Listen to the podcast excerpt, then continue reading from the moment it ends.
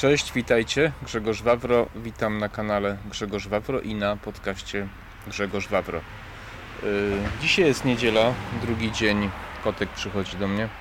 Drugi dzień yy, lipca już, wakacje mamy.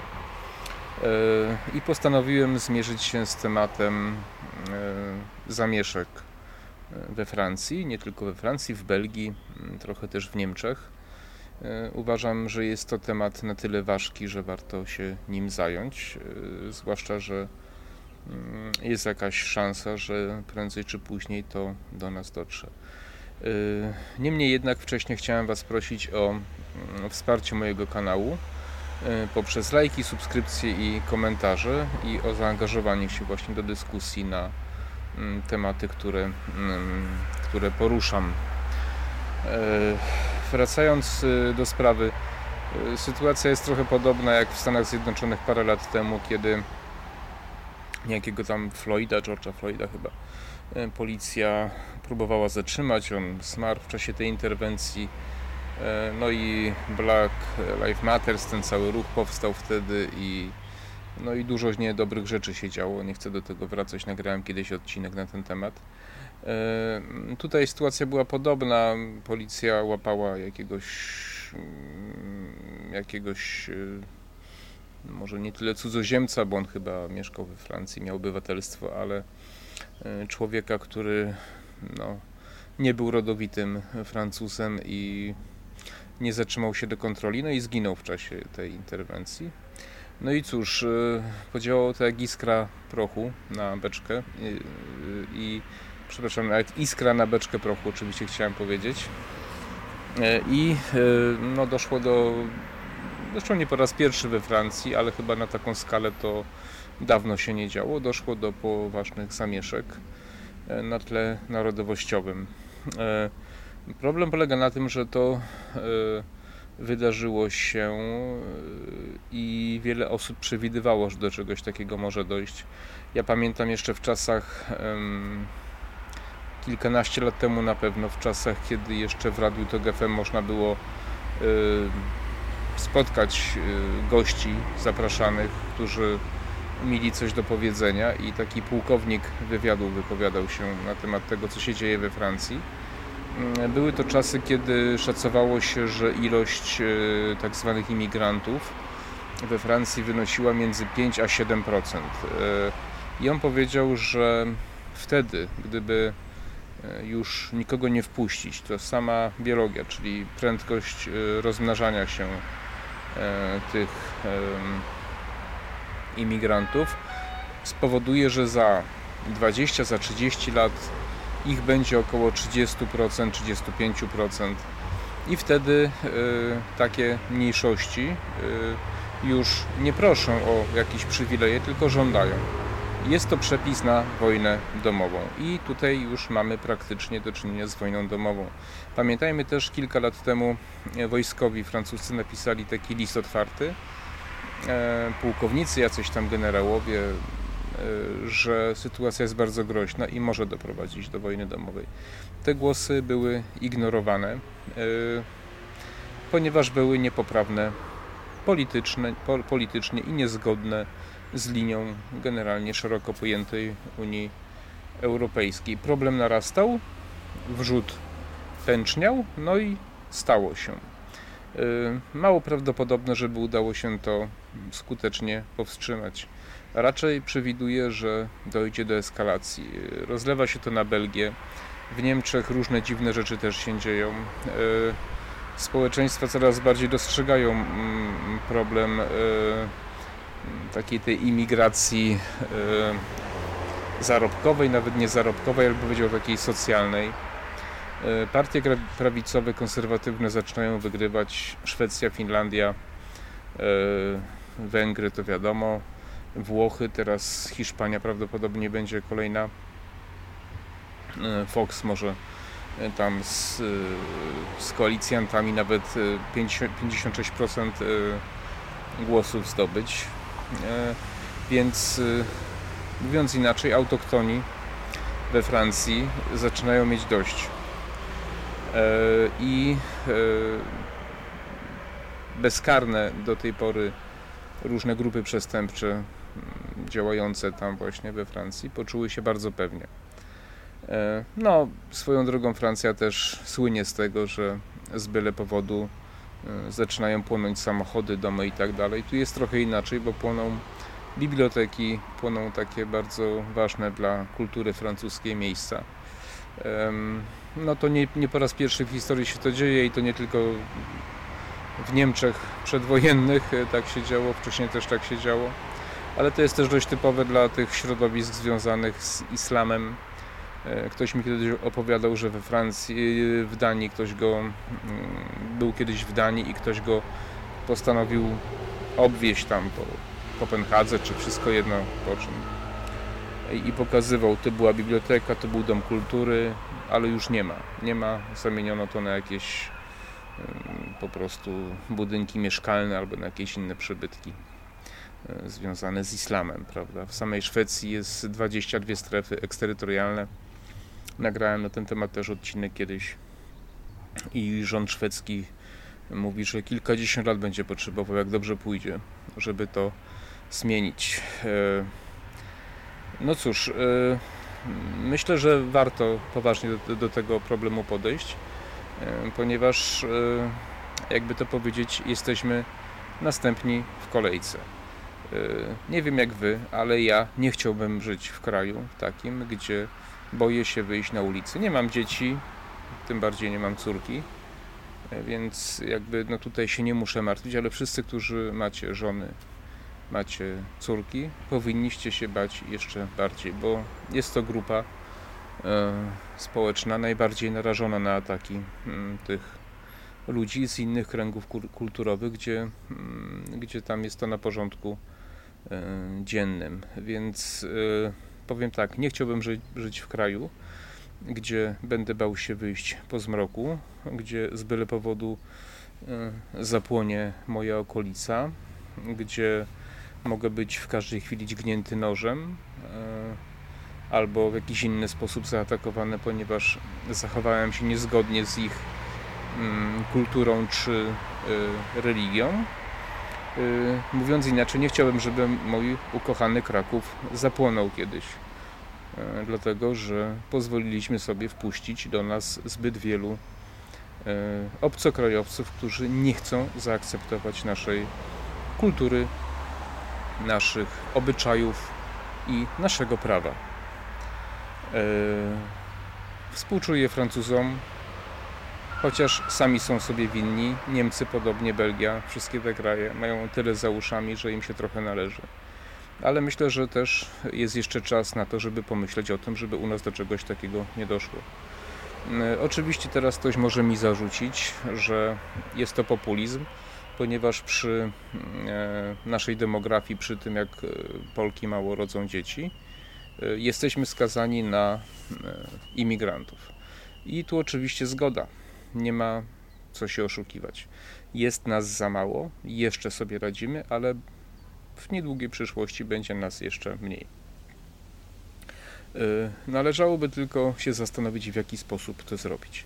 Czy należy puszczać każdego, kto chce przyjechać, czy powinniśmy dokonywać pewnej selekcji czy uznajemy się za kraj, w którym są dobre warunki do życia i możliwości i y, jesteśmy atrakcyjni dla ludzi, którzy chcą pracować i zarabiać, czy jesteśmy atrakcyjni dla ludzi, którzy nie chcą pracować, nie chcą zarabiać, chcą żyć z socjalu.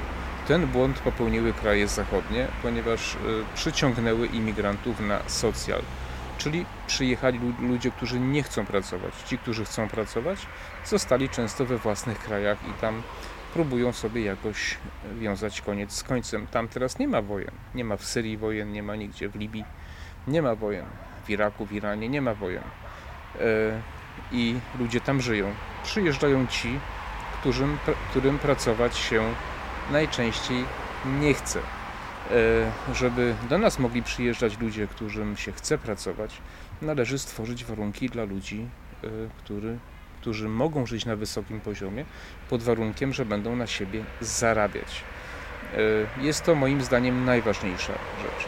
Można by się odnieść do, mm, tutaj dać przykład pierwszej Rzeczpospolitej, gdzie była pierwsza Rzeczpospolita była ewenementem na skalę światową wtedy, ponieważ y, żyło tutaj wiele różnych kultur, kultur i religii. Żyli muzułmanie, żyli chrześcijanie, Tatarzy żyli, Żydzi żyli. Oczywiście jakieś tam konflikty były, ale generalnie sobie w drogę nie wchodzili. Dlaczego? Bo pierwsza Rzeczpospolita była krajem wolności przede wszystkim. Wolności i niskich podatków i dobrego środowiska dla gospodarki na tamte czasy. E, czyli każdy, kto przyjechał, chciał tutaj działać, chciał pracować, mógł dobrze żyć. I dlatego do Polski przyjeżdżali Holendrzy, Niemcy, budowało się wsie, miasta na prawie niemieckim, na prawie holenderskim itd. Tak itd. Tak e, I to przyciągało ludzi kreatywnych, ludzi, którzy chcieli tutaj coś robić. Nie było wtedy socjalu w zasadzie. Jeżeli był, to gdzieś na poziomie kościoła, przy kościelnych jakichś szpitali, pomocy różnego rodzaju, ale państwo jako państwo generalnie nie prowadziło polityki y, socjalnej. I Polska na kilkaset lat stała się potęgą tutaj, w tej części świata, potęgą na europejską potęgą, bardzo silnym, dużym i bogatym państwem stała się. Jako Rzeczpospolita, jako, e, jako twór e, wielonarodowy właśnie, czyli no, Litwa, Ukraina i tak jak wspomniałem wcześniej, wiele wyznań, wiele kultur, które bardzo dobrze ze sobą współżyły. I jeżeli chcemy uniknąć losu Francji, to musimy w podobny sposób podejść. Stworzyć warunki, w, którym, w których ludzie będą mogli pracować, łatwo zakładać działalności gospodarcze, łatwo rozliczać podatki i te podatki powinny być na tyle niskie, żeby bez problemu mogli żyć ze swojej pracy.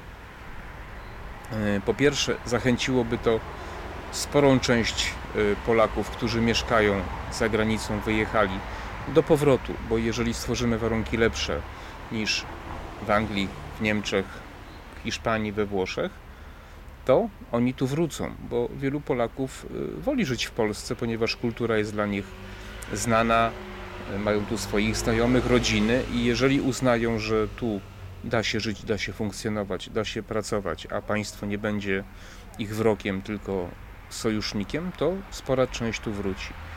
A z tych, których musimy przyjąć ze strony obcokrajowców, przyjadą ci najbardziej kreatywni, nie liczący na socjal, ponieważ tego socjalu by wtedy nie mogło być zbyt dużo, tylko ci, którzy są kreatywni i chcą robić i coś dać z siebie. Oczywiście muszą być bardzo silne przepisy weryfikujące, sprawdzające takich ludzi uważam, że powinien być absolutny zakaz um, powstawania tak zwanych czy całych enklaw jednonarodowych.